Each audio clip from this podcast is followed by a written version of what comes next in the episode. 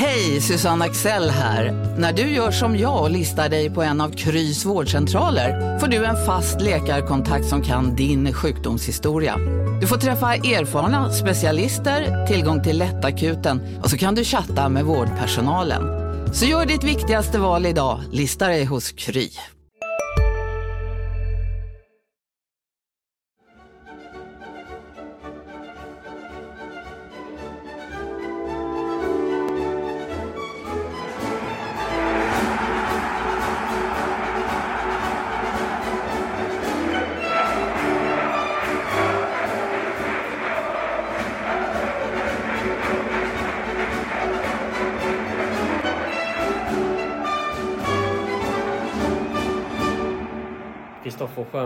Tränare för HIFs eh, damlag. Eh, välkommen till eh, HIF-podden. Ja, du har redan välkomnat mig för vi sitter på Olympia och spelar in det här avsnittet. Hur är den här fotbollsdagen i, i ditt liv? Hur mår du? Ja, först och stort tack och kul att få vara med. Och jag mår bra. Det, som du sa, solen skiner lite. Det blåser men när solen är framme så är det extra glädjande. Så det, det är bara bra tack. Vi inleder i sedvanlig stil eh, när vi har de här intervjupoddarna med en faktaruta. Yes. Ålder? Eh, jag tänker till. 27, fyller 28 på söndag. Grattis i förskott. Tackar. Bor? Ringstorp. Yrke? Ja, fotbollstränare. Familj? Jag är singel men har en bror, mamma och pappa. Moderklubb? Det blir Rydbäcks IF.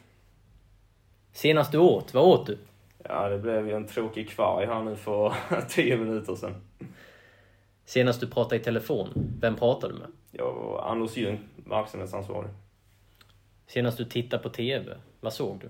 Oh, det var igår, eh, vad heter han, Last of Us, Last of Us heter den väl, eh, den nya serien där.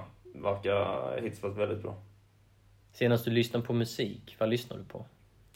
Det måste varit, eh, ja det var igår i gymmet med Rickard P16 huvudtränaren som spelade någon rockmusik där. Kommer inte ihåg exakt vilken det var, men det var bra tryck. Din eh, viktigaste vardagsrutin? Oh, det får nog bli, eh, jag skulle vilja säga så, vet inte Mark, men dricker ofta en halv Noccon eh, innan jag går till Olympia. Och sen när jag kommer till Olympia så blir det en kopp kaffe. Och den, den måste sitta. Vad har du som fritidsintresse? Ja, det blir ju som att fotbollen blir både jobb och, hobby så vill man ju inte säga liksom fotbollen på det sättet. Så ja, umgås med vänner, uh, försöker ta mig tiden till det. Det märker man också. Man blir äldre och man blir sämre ibland på det. Um, paddel gillar jag, men tyvärr inte spelat tillräckligt senaste tiden. Det får man komma igång med igen. Tyngsta merit? Oh, tyngsta merit? Herregud. Den, eh, den var en uh, tuff fråga. Um, får väl säga någonstans när jag blev heltidsanställd och fick jobba liksom med fotbollen. Det, jag, ville bli en, jag ville bli fotbollsspelare såklart, proffs som alla andra. Blev inte så, men nu får jag jobba med fotbollen på heltid som huvudtränare så ska jag säga det är den, den största meriten för mig. Bästa fotbollsmatch som du har varit med i, antingen som spelare eller som tränare? Ja, det har spelats en del matcher nu genom tiderna, uh, får man ju säga. Man har väl haft någon uh, pojkmatch här mot, eh, kan vara mot Malmö FF liksom, som har varit eh, väldigt hög nivå och hade eh, SM-finalen mot AIK, skulle säga också väldigt hög nivå på den matchen. Så skulle jag väl säga någon, någon sådan match där. Vi hade Gothia också här mot Right to Dream, som vi gjorde ett väldigt bra Gothia där förra året, nu 22 här med 17 och det var också, om vi pratar liksom så, hög kvalitet på spelarna. Både motståndarna men framförallt oss själva också. Då snackar vi P17-nivå i alla yeah. de här exemplen. Precis. Bästa spelaren som du har coachat? Det är alltid där bästa spelaren. Det finns ju väldigt många olika saker att ta på. Eh, det finns saker med vissa damspelare man har som man kan ta på och pojkspelare. Så jag kan väl säga så här att den som imponerat på mig mest, och det kanske inte som jag coachar som tränare i sig, nu blir jag lite mot spelare, men eh, Seidan Seidan hade något jävligt speciellt och har ju något speciellt liksom såklart eh, när vi spelar lite tillsammans med honom. Samma sak gällde Jordan men Eh, Mustafa Zeidan Mustafa i Zeidan, Jordan FF Larsson, och liksom. Jordan Larsson numera Eh, i FC Köpenhamn. Precis, men eh, där var något, eh, man kan se bland saker på träningen, man kände bara hur, hur, hur gick detta till liksom? Det var under din Höga Boys-tid helt Precis. enkelt. Bästa tränaren som du själv har haft? Jag skulle, svårt att nämna en här faktiskt, för det är väldigt många tränare som påverkar på olika sätt och på olika platser i, i livet, skulle jag säga liksom. Så där vill jag inte liksom, där finns många jag har haft och eh, utan att nämna namn så tycker jag ändå jag nämner dem och de vet vilka de är. Så de har betytt mycket. Din favorit hif genom alla tider? Ja, du, man hade någon verkligen kärlek som ung till Luton Shelton där när man... Eh, man är ju uppväxt på läktarna här liksom och man har sett många, många härliga spelare men det var något speciellt när han liksom nästan galopperade fram. Det, ja, det var speciellt liksom. Inspiratör? Ja, man kan väl säga mycket där liksom. Eh, samma där igen. Eh, kan alltid gå från familj till andra bitar. Och jag skulle mer säga så att jag försöker hitta någon varje dag liksom som utvecklar mig och driver mig. Och det kan vara allt från kollegor till sitta och lyssna på eh, tränare ute i Europa liksom. Men gäller att försöka ta saker från olika personer som man tycker gör väldigt mycket bra och försöka göra sig en egen uppfattning kring det. Eh, Och det är väl det jag försöker hela tiden. Så jag kan ta varje dag här så är det en inspiratör som jag jobbar med. Ditt livs värsta ögonblick? Mm. Värsta ögonblick, ja. Också så man eh, har såklart fått nära kära som har gått bort. Eh, vilket alltid svider rejält liksom. Och, eh, och tyngre liksom. Det, det är väl de dagarna som är de värsta. Eh, och sen får man hitta saker därifrån som är starka en eller starka andra personer runt omkring sig. Så när, när en familjemedlem har gått bort. Ditt livs bästa ögonblick? Ja det, det bästa ögonblick i livet, ja det är också en jäkla svår fråga. Det, hmm, skulle liksom säga igen att Uh, till saker liksom man tittar tillbaks till när man gör saker med, jag skulle mest säga så här igen. Och det är man dålig på, men när man åker, tar sig tiden och åker iväg och gör saker som eh, kommer från vardagen ibland. Eh, de sakerna, vi var i Amsterdam med familjen förra året där pappa fyllde 60 liksom. Uppskattat. Det, och man måste bli bättre på det. Därmed eh, sätter vi punkt för eh, faktarutan och tar avstamp eh, i eh, HIFs damlag och var Ja. ni, ni eh, står just nu. Det var ju en eh, årspremiär den gångna helgen eh, på Lauritz IP. Ja. Eh, besegrade Hittarp med 5-0. Härnäst väntar Malmö FF i Limhamn eh, Ja. på lördag. Först och främst, hur, hur mycket riv- rivalitet kommer det vara i en sån match eh, till helgen? Det kommer det vara. Eh, och det ska det vara. Det, man har spelat... Jag själv har mött eh, MFF eh, på pojksidan liksom tidigare och någon gång när man spelar liksom i Högaborg och jag är utväxt på denna läktaren liksom och, och i Helsingborg liksom med familj och allting så för mig betyder det väldigt mycket och jag vet för spelarna betyder det extremt mycket och det gör det för sig för, och det vet jag om för deras mm, spelare också då. Så det betyder mycket, även om det är en träningsmatch så det är en viktig match för oss. 5-0 som sagt mot uh, Hittarp som ni kommer möta även i serien i division Ja. 2 eh, senare i år. Vad fick du se? Ja, jag fick väl se någonstans att vi ligger fram, längre fram i, i år och nu så än vad vi gjorde för ett år sedan, vilket jag förväntar mig och är positivt. Vissa principer sitter bra, tycker jag. Eh, och där försöker vi bara jobba vidare med dem och bli mer, ännu mer tydliga i dem, men också liksom hitta lite andra vägar eh, i vårt både försvarsspel och anfallsspel. Sen fanns det saker som man känner att, oh, detta var verkligen en första match. Eh, lite tekniska beslut och ibland man blir lite ovan med och nu är vi ute här liksom 11 mot eh, 11 liksom. Och, så man känner att detta måste bli bättre. Um, men eh, fick se 21 spelare som fick spela. Eh, liksom nästan hela truppen här. Vi har några utanför bara. Eh, vilket är väldigt positivt och fick se en match som jag tycker vi kontrollerar väldigt bra. Um, egentligen matchen igenom där. Så det finns mycket som ska bli bättre men det finns också saker som är positiva att ta på. Spelfilosofin, hur, hur, hur är den? Vad, vad förespråkar du? Hur vill du att ditt lag ska spela där ute på planen? Ja, men man kan väl säga att man själv har väl utvecklat den över tid. av olika personer som påverkar en hela tiden och miljöer. Um, vi har sen liksom uppstarten i vårt damlag väldigt tydliga med att vi vill ha en identitet som består av egentligen en väldigt hög intensitet i våra matcher, vilket gör att vi vill pressa motståndaren så högt som möjligt, så ofta vi kan. Eh, det betyder ju såklart att vi måste lägga oss lägre ibland för att klara av det. Eh, vi vill vara ehm, extremt aggressiva, både i anfallsspel och försvarsspel. Vill spela framåt, vill ta oss igenom lagdelar så snabbt egentligen vi kan där med kvalitet. Så man kan säga identiteten är att vi vill spela en fartfylld fotboll. Det vill vi. Och tro på den fullt ut. Vilket gör att vi ibland sätter oss såklart i, tar risker, men också, som vi försöker säga det, så ser vi möjligheter och istället bli spetsiga i just det vi vill vara. Och sen så bryter ner det liksom i ett arbetssätt som vi jobbar kontinuerligt med och gjort över tid. Och jag tror mycket på det här att jobba med samma saker över tid, varje träning eh, upprepa gång på gång på gång. Eh, vissa saker är en färskvara. Det eh, måste jobba med, det, jobba med det och systematiskt. Eh, jag har haft en fördel nu kunna jobba med detta i två år med vårt damlag här och kunna jobba vidare med det också. Sen måste jag få input från nya kollegor, eh, spelare, kollegor på Olympia, eh, men även utifrån och för att kunna vidareutveckla oss.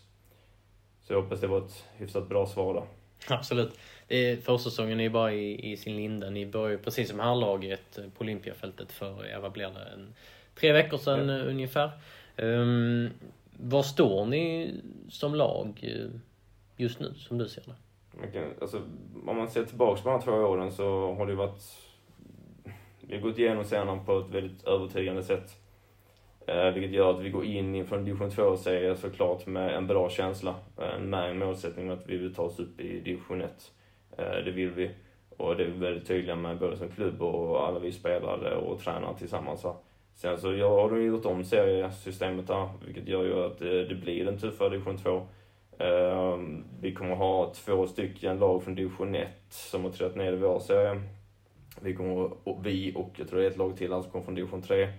Och sen så blir det fem eh, Göteborgslag och lite herrlandslag här på vägen. Eh, så det är inte så lokalt längre de här matcherna. Så det blir lite längre resor. Men eh, jag tycker vi står oss bra. Vi har en bred trupp. Vi har en eh, bättre trupp än förra året och det vill vi ta steg hela tiden i. Och det menar jag med att spelarna har utvecklats, men också vi har tagit in spelare. Eh, så jag tycker vi har bredare trupp med högre kvalitet och jämnare nivå som jag tror blir helt, helt avgörande för att vi ska kunna lyckas med den målsättningen. Det, man vinner inte serier genom att ha några enstaka spetsspelare. Du kan vinna matcher med det, men ska du vinna serier så måste du ha en trupp. Är det viktigt för er att avancera direkt till, till division 1? Klart det är viktigt. Jag hade ju ljugit om jag sa att det inte är viktigt att eh, ta de stegen, för det påverkar också hela vår kortsiktiga och långsiktiga satsning, inte bara till fotboll, eh, kärnprodukten, utan också liksom runt omkring med evenemang, eh, vad vi bygger, här, intresse såklart också för sponsorer med mera. Men det absolut viktigaste är ju såklart den dagliga verksamheten. Vi får inte börja blicka bort någonstans och prata om damallsvenskan för mycket eller elitettan, utan vi måste titta, okej, okay, här och nu, vad är vi? Vad måste vi göra bra? Vad måste vi göra bra över tid? Hur ska vi få fram spelare som kommer underifrån för att, och också med klubbar runt omkring, hur kan vi samarbeta för att ta oss framåt? För att stirrar vi blint på seriespelet och stirrar blint på att ta stegen upp, då är det lätt att vi går efter, och då hoppas jag liksom, jag förstår mig rätt, han går för spelare som bara levererar här och nu, och sen så, okej, okay, vad händer om två år då? Slutar sex spelare då? Vad gör vi då? Står vi bara rätt upp och ner där? Så att vi behöver bygga något över tid och då är det här och nu. Mycket här och nu, men ha en blick framåt för att vara strategiska. Ni har ju verkligen gått som tåget, eh, alltså verkligen som tåget ja. nu två år i rad. Hur, hur präntar du in i spelarna att liksom inte sväva iväg? För det, det är ju det är bara att konstatera att det är en annan form av utmaning mm. i den här serien. Ni kommer ställas på lite andra prov. Ni kommer, kommer kanske inte ha 170-0 i målskillnad och idel, idel segrar. Ja. Nej, men jag sa första gången liksom, när jag gick in i detta så sa jag till mina kollegor och mina nya kollegor som kom in för 2000, eh, inför 2022 och nu inför 2023 så det första jag sa liksom att vi ska kunna stänga dörren och ha jäkligt högt i tak. Eh, och det tror jag många säger liksom, men vi, må, vi måste ha det och vi måste vara det mot varandra. Och den jag sätter högst krav på det är mig själv i, i allt. Eh, därefter är det mina kollegor. Och, och sen kommer spelarna. Eh, för att om inte vi hela tiden vrider och vänder på saker så kommer vi inte bli bättre. Sen måste du sätta det såklart i, i systematiskt liksom, så, och sätta det liksom på ett sätt så att du verkligen jobbar med det varje dag. Och, och det ingår liksom en planering, det ingår en utvärdering, eller ett genomförande och, det är en utvärdering och tumma inte på det. Eh, utan vi måste göra det på ett eller annat sätt. Ibland är det ha dialog genom en eh, sent på vägen hem från Olympia när du går där vid 22.30 liksom och tar telefonsamtalet eller dagen efter eller fem minuter liksom efter en träning. Men vi ska diskutera, vi måste prata om vad vi gör bra och vad vi kan göra bättre. Eh, och har vi det mindsetet så kommer spelarna märka av det. Och då kommer det, tror jag, smitta av sig på spelarna också. Och varenda match om vi vunnit med 14-0 eller varit eh, 5-0 eller 1-0 eller 13-0 liksom så alltid efter så är det hela tiden prestation. vad gjorde vi bra? Vad kan vi göra bättre? Men alltid koppla det tillbaks igen. Vad är vi? Hur vill vi spela vår fotboll? Och inte sväva iväg i andra saker. Så jag tror att jobba med det hela tiden så skapar du ett mindset att du måste vilja bli bättre. Och blir du bättre så får du resultaten. Hur har det varit att hela tiden vinna med så enorma siffror? Speciellt. Jag tror jag, jag på ett sätt så tror jag jag själv eh, tvingats att bli duktig också på att uh, hela tiden titta framåt. Uh, såklart kan du inte släppa det som har hänt för det är ju historia som du tar med dig och vad är vi och hur vill vi vara framåt och spelarna som bidragit här kommer alltid bli ihågkomna på ett eller annat sätt och måste lyftas upp. Men jag tror jag har tvingats bli duktig på att hela tiden säga okej, okay, vad är nästa steg? Vad är nästa steg? Vad är nästa steg? Uh, och det är genom att ha duktiga kollegor, uh, både dam och på pojksidan, som vi tvingar varandra hela tiden att se nästa steg här. Vad vi kan göra. Jag hade i P17 första året med Max eh, Lindén så pluggade jag bredvid och då hade jag och Max, Max var heltidsanställd här.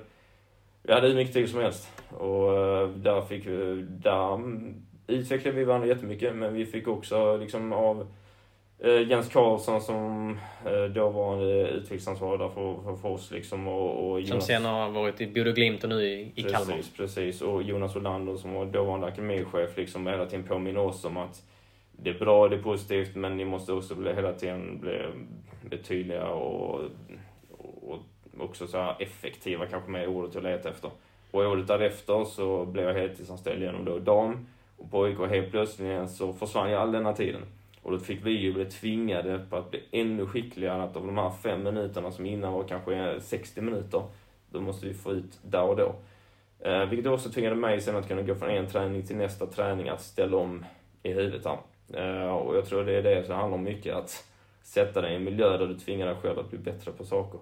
Och eh, det tycker jag jag själv har blivit och om man ser till spelarna så tror jag också där vi är tillbaks till det jag pratade om innan om att om de får ut klipp av oss eller vi kör matchanalys eller vi går ut på en träning och så säger vi högt i tak inför alla där att detta är väl bra och detta gör du jättebra, men här, detta måste du göra bättre. Så kommer de hela tiden också bli påminna om att ja, vi gör detta bra, men detta måste bli bättre för nästa steg. Sen avslutningsvis så måste du spela tuffa matcher, såklart, för att utvecklas. Och det är det vi kommer att försöka göra lite mer nu, men också såklart serien kommer att tvinga oss till det. Vilka spelare bör folk hålla extra ögon på under eh, den här säsongen? Jag tror eh, för de som har tittat på oss, eh, vilket liksom är väldigt kul och uppskattat, och så har de fått en bild av vissa spelare som Tilde sköt i eh, höjderna förra året. Han har en otrolig utveckling liksom. Och vi har ju sevärda spelare som Sanna Nilsson liksom som kan göra det här lilla extra också. Och, man har fått sett ett och annat skott från Stefanie som flyger från 40 meter upp i ett kryss där liksom. Stefanie Petersson. Precis. Ja, så att det finns ju saker liksom hela tiden eh, som vi verkligen eh, att ta på och se på. Men sen så har ju kommit ett nytt år och det kommer nya saker och förhoppningsvis ta nya steg här liksom. Och I år så hoppas vi att de som har bidragit fortsätter såklart att göra det och fortsätter utvecklas. Men vi har ju fått in spelare. Eh, vi har fått in en sån som, hon tyvärr sitter just nu på en skada på sitt korsband som vi väntar lite svar på. Men Alma Larsson som är 07 som jag tror över tid väldigt mycket på. Har någonting det här extra också och passar in väldigt hur vi spelar fotboll. Extremt eh, fysisk. Eh, och var också uttagen första landslagssamlingen här förra året. Eh. Har du också valt att bli egen? Då är det viktigt att skaffa en bra företagsförsäkring. Hos oss är alla småföretag stora och inga frågor för små. Swedeas företagsförsäkring är anpassad för mindre företag och täcker även sånt som din hemförsäkring inte täcker. Gå in på swedea.se företag och jämför själv. Hej, Synoptik här. Hos oss får du hjälp med att ta hand om din ögonhälsa. Med vår synundersökning kan vi upptäcka både synförändringar och tecken på vanliga ögonsjukdomar. Boka tid på synoptik.se. Vilket är väldigt kul för henne. Så, men samtidigt också har vi en Cornelia Ramberg som har kommit in också från Västra Kalix, spelade division 2 hela förra säsongen, som övertygar kommer ta stora kliv eh, hela denna säsongen egentligen. Eh, men även liksom Agnes som kommer från division 1 här som eh, kommer, kommer göra sina mål, jag är helt övertygad om, av Maja Stavén. Sen fram, Agnes Eklöf. Agnes Eklöf, ja. precis. Och sen, sen, måste jag också nämna och, verkligen här att jag ser mig till Hanna Tegerstål som kommer från Höganäs och hon var ju redan inne för säsongen men spelade vidare med Höganäs matcher. Och Rebecka här som kommer från Danmark eh, tillsammans med Amanda så har vi ju en vi har ju en bra målvaktstrio och, och ähm, tittar du på Hanna och Rebecka så är det två unga tjejer som äh, kommer att ta stora kliv. Och helt övertygad om att de kommer gå in och täcka rollen från Edman på ett otroligt bra sätt här. Så det, det finns mycket att se och, äh, och förhoppningsvis kommer folk att titta på det. Mm, som du är inne på, Maria Edman Falke som har otroligt mycket rutin har ju ja lagt handskarna eh, på hyllan och så består eh, målvakterna nu av eh, Hanna Tegestål, Amanda Bäckström och så Rebecka Kure Larsen yep. från Danmark. Hur, hur ska ni ersätta en så pass rutinerad målvakt som, mm. som Maria?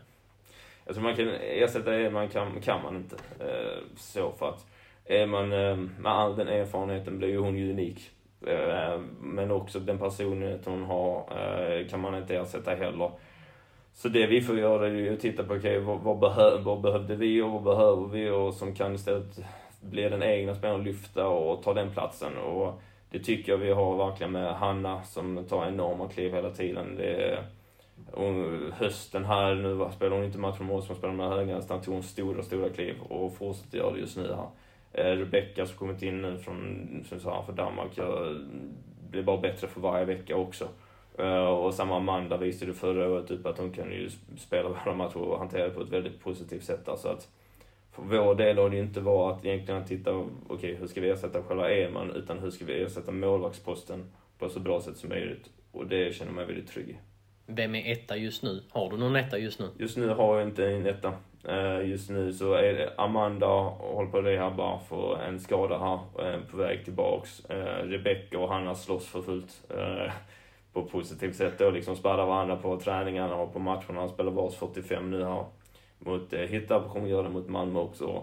Jag vill ha den här konkurrensen på den positionen. Eh, det behövs så, såklart en trygghet för dem och sen veta någonstans lite, okej, okay, vem är lite mer mot första sidan och vem är det så får vi konkurrera med? Och alla tre vet om ingångsvärdet också att vi kommer hitta speltid på den som i så fall inte är nära, tillräckligt nära för att konkurrera om den positionen. Alltså i form av utlåning? Ja. Okej. Okay. Uh, apropå rutin då med, med, med Edman.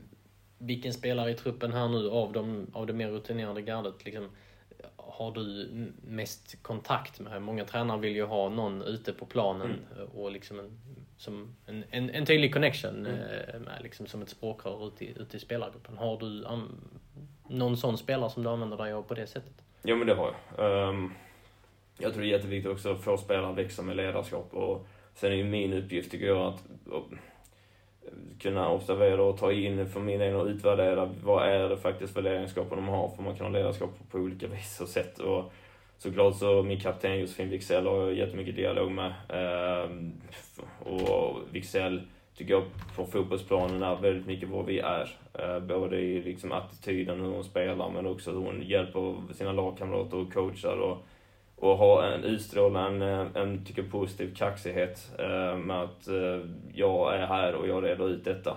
Eh, så att, vi har jättemycket diskussioner med såklart vidare ut på planen också i backlinjen. Eh, vi har ju Stephanie och eh, Emma Krantz på mittfältet där liksom också med vad kan de bidra med sin ledaregenskaper sen tidigare. Men också ibland med bara en form av bara vara sig själv ute på en träning också och få de unga att ta nästa steg. Och här är det viktiga för mig liksom att hitta, okej okay, vad är Stephanie bra på i sitt ledarskap och vad ska hon jobba med och vad ska hon inte jobba med? Och Emma Krantz, vad är, vad är ditt ledaregenskap och hur ska jag få ut det och vad ska du inte behöva koncentrera dig på? För det tror jag utmaningen med ledarskap gäller spelare, gäller mig och gäller alla andra, det är att vi är bra på olika saker inom det.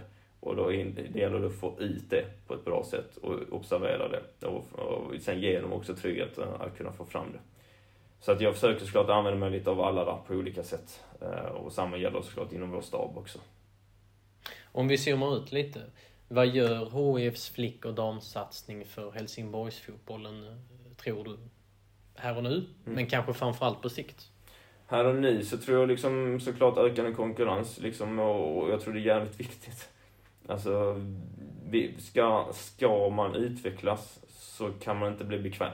Och då måste vi utmana varandra och, och ta nästa steg och sen såklart feedbacka varandra. Och nu nästan varandra och prata om klubbar och i närområdet också och ha dialoger. Vad kan vi göra bättre för er och vad kan ni göra som bättre för oss liksom. Och, så att här och nu går vi in med det. Vi går också kanske in med att eh, skapa ett intresse här och nu som blir större här också eh, kring eh, dam och flickfotboll och skapa förutsättningar med, vilket man verkligen liksom har här, otroliga förutsättningar med faciliteter. Vi har ju vi har ett av de bästa gymmen i Sverige här liksom som är, vi kan gå från gymmet på en träning tre minuter ut i en fotbollsplan och sen gå in och så kan vi träna igen i gymmet. Vilket jag vet att de flesta kan inte alltid göra ens i Sverige. Och när vi kan göra det i, gjorde det till och med division 4, division 3 och nu division 2, jättestort. Eh, vi har faciliteter med studion där vi kör matchanalyser.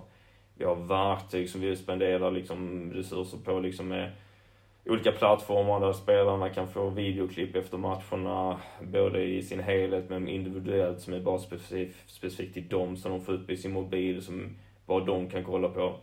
Vi kan använda oss av GPS och liksom på, på ryggen liksom på spelarna som man sätter där som mäter ut siffror, fysiska siffror. Eh, men mycket annat. Så att vi erbjuder väldigt mycket fasthet till våra spelare men även tycker kompetens med duktiga tränare och även som man säger Olympia, som man vi säga det är huset Olympia. Eh, jag är på damsidan helt och hållet nu. Men jag står ju såklart hela tiden för att få en dialog med eh, pojksidan och mina kollegor som på där eller mot eh, herrarna liksom. Vad kan vi utvecklas? Vad kan vi ta från varandra efter nästa steg? Så vi erbjuder nog spelarna väldigt mycket här och nu. Vi visar också, tror jag, att det kanske kan hända saker och det kommer något, nytt här och ett intresse. Bara att spela inne på Olympia. Jag tror det är hur viktigt som helst. Um, och nu glider vi kanske automatik över på det långsiktiga också, men att du skapar en supporterkultur eh, på flick och dam eh, kring liksom hela där för att växa. Det måste bli en egen, tycker jag, liksom, i framtiden, liksom är kanske, jag vet inte om det låter fel ord bara att använda, men produkt som säljer sig själv. Bygga evenemang kring matcherna.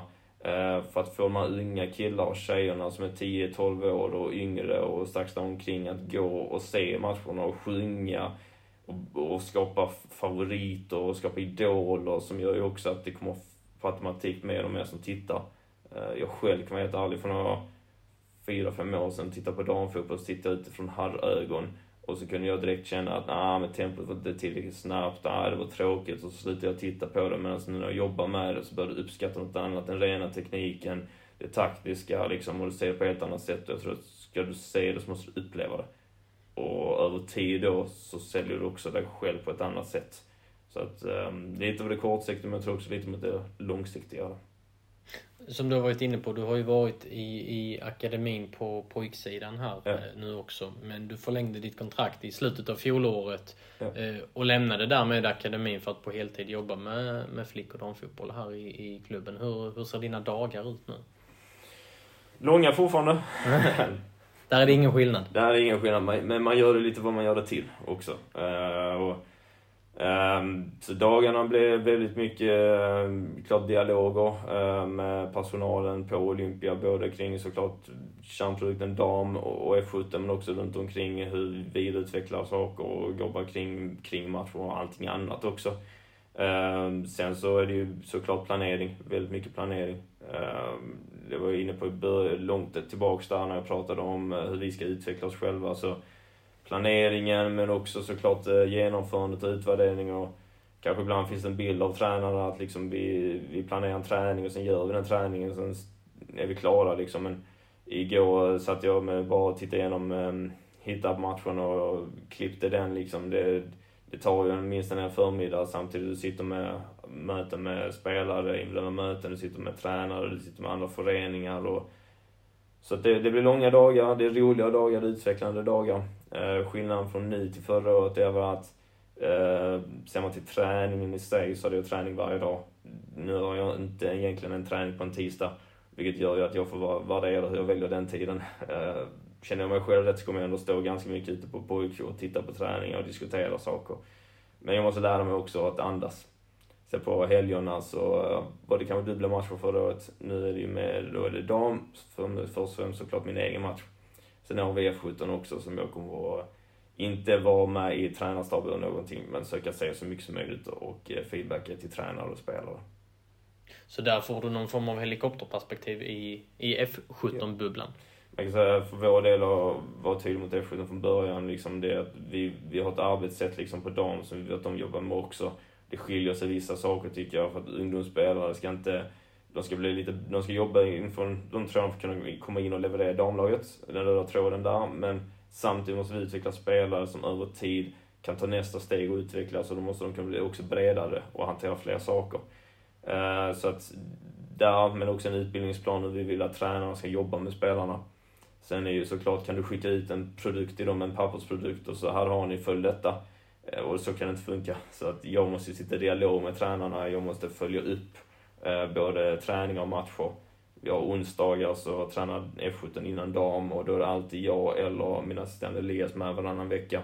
Och det är inte i form att gå ut och dominera en träning, utan vi är där för att vara med som assisterande. Och feedbacka tränarna, feedbacka spelarna, se spelarna såklart. Eh, och jobba med vad vi tycker, här nu gör vi bra med, vad vi behöver utveckla. Och så följa upp matcherna såklart också. För förhoppningsvis så ska de spelarna ta steg upp till dam hos oss och gör de inte det så vill vi att de ska kunna landa så högt upp som möjligt. Eller på den nivån som känns rätt för dem. Eh, tidigare så har du pluggat eh, psykologi med inriktning hälsa och motion ja. Eh, i Halmstad.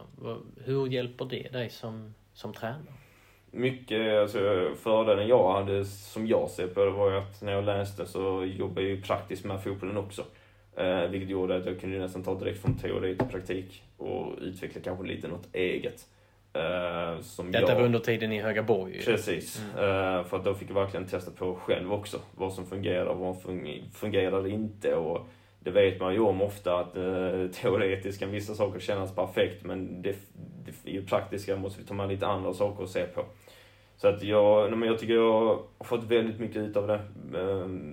hur jag hanterar, kan hantera människor och bli skickligare på det och hantera grupper.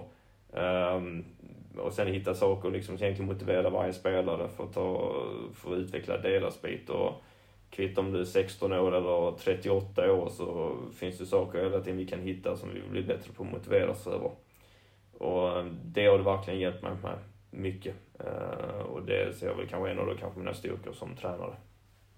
Inför säsongen 20, 2019 så tog du över Högeborgs herrlag eh, ja. som då spelar i division 3 och därmed blev du Högaborgs yngsta A-lagstränare genom alla tider. Du var 23 år. Mm. Hur var den tiden? Det kommer nog vara, tror jag sagt det någon gång innan, liksom, det kommer vara absolut nog en av de mest viktiga åren förhoppningsvis i en lång karriär som jag hoppas på.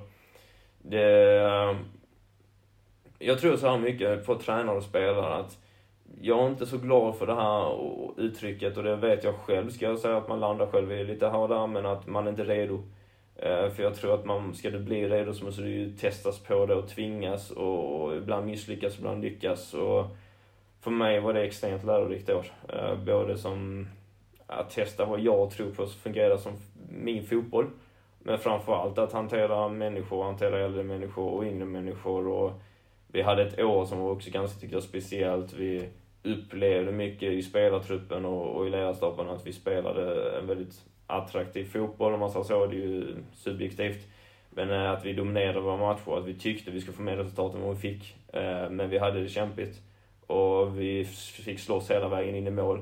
Eh, och vi lyckades, vilket jag tror jag var väldigt viktigt för mig också, att vi sen gjorde det också, ta med sig. Men se tillbaks på den tiden som man lärt sig väldigt mycket och hur fotboll kan vara, som alla andra, såklart jobb extremt kul. Men hur ensam du också kan lära känna dig också när det går som tuffast. Och det har jag verkligen tagit med mig från den tiden. Eh, och egentligen vidare. Och sen så för varje år så tar man vissa saker, utvecklar man och hittar andra vägar. Och så borde jag kanske gjort där och då.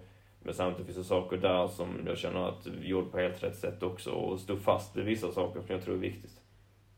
Efter den säsongen så hamnade du i HIFs eh, organisation och du är ju de facto kvar. Ja. Hur, eh, hur reagerade du när du fick ett samtal från Olympia och de visade intresse för dig? Såklart väldigt glädjande.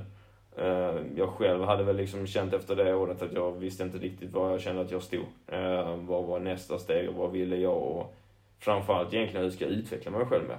För det, det är ofta där jag försöker landa tillbaka alltid att men, om jag ska bli bättre, ja men det måste jag ha personer runt mig som tvingar mig att bli bättre och ställer utmanande frågor och ger också såklart i vissa fall eh, svar som jag ibland tar och tycker är jättebra, men ibland också ifrågasätter tillbaks. Så att när, när, eh, när Jonas ringde mig så var det väldigt, eh, för, första känslan var ju direkt att ja, men detta var något jag ville. Och det jag ville var ju egentligen att komma in någonstans där jag blev ännu mer utmanad som sagt och fick också verktyg runt omkring mig. Och efter något samtal där och, och träff så kändes det ju verkligen helt rätt och det gjorde det egentligen från början. Jag, man har ju drömt att spela i Helsingborgs IF och det fick man inte, men eh, man fick träna och träna just nu och det är ju också bara en dröm i sig. Och Jonas, eh, Jonas Olander ja. syftar du på då, dåvarande ja. akademichef. Precis. Och eh, du har ju nämnt eh, ditt, eh, dina spelarår där det inte blev någon, någon proffsdröm som blev förverkligad eh, på det hållet. Eh, du fick väl någon korsbandsskada va? Ja, nej, men jag fick en skada på korsbandet som eh, rehabade det väl först nästan ett år och innan kom fram till att jag behövde nog operera det. Och eh, sen så är det ju, tog det tid en operation och sen kom en operation och så gick liksom två år liksom på det. Och jag ska säga, jag hade inte motivationen heller riktigt ta mig tillbaka. Så det fanns också andra intressen utanför som, som tyckte var lockande och, och kul liksom, som kanske inte var alltid liksom 100% satsning i fotbollen. Så det får man ju också säga liksom. Uh, och, ja, det man lär sig dock där över den tiden, det är hur svårt det är och tufft det är att ta sig igenom en rehabtid. Uh, vilket jag har försökt ta med mig nu till fotbollen här, att förståelsen för det, men också hur ensam man kan också känna sig i de situationerna. Och, försöka med våra spelare på ett eller annat sätt hitta sätt att de är med i truppen och känner sig motiverande och målsättningar för att ta kliv där. Det vet jag nog är det svåraste som finns för alla tränare för att eh, det tar resurser och tid och kraft eh, från, eh, från alla såklart. Och när jag säger kraft så menar jag inte att det på något negativt sätt utan det är mer att vi ska kunna följa upp och ha, och ha tiden att göra det och då kräver det resurser såklart. Och jag tycker vi har dem och jag tycker vi är bra på det. Men jag tycker också att vi hela tiden måste ta in varje dag egentligen från spelare att hur känner hur upplever ni är något vi kan göra bättre för att också utvecklas inom det. Du är inte ens 30 men har redan eh, hunnit eh, med mycket som tränare. Vad är ditt långsiktiga mål? Vad, vad vill du uppnå som fotbollscoach? Långsiktigt så vill man ju nå ut, eh, och, ut i Europa och få äventyra det och testa på det. det jag det, är ju, det vill man ju verkligen. Det vill man som spelare och det vill man som tränare.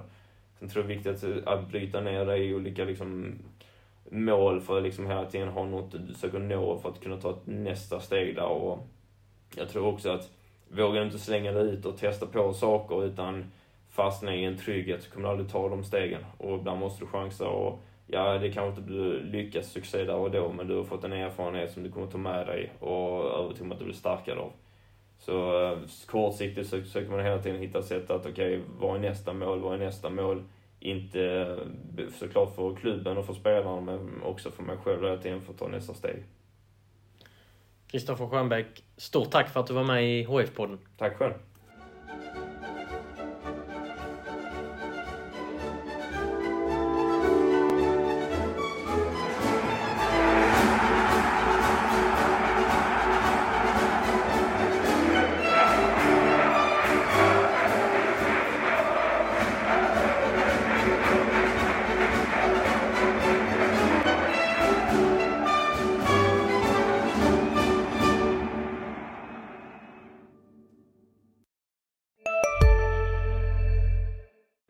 Njut av Max Selection El Maco med Premium Beef. Vår saftiga och lyxiga burgare av 100% svenskt nötkött och 100% fantastisk smak.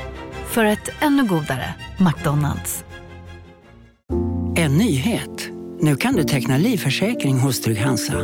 Den ger dina nära ersättning som kan användas på det sätt som hjälper bäst.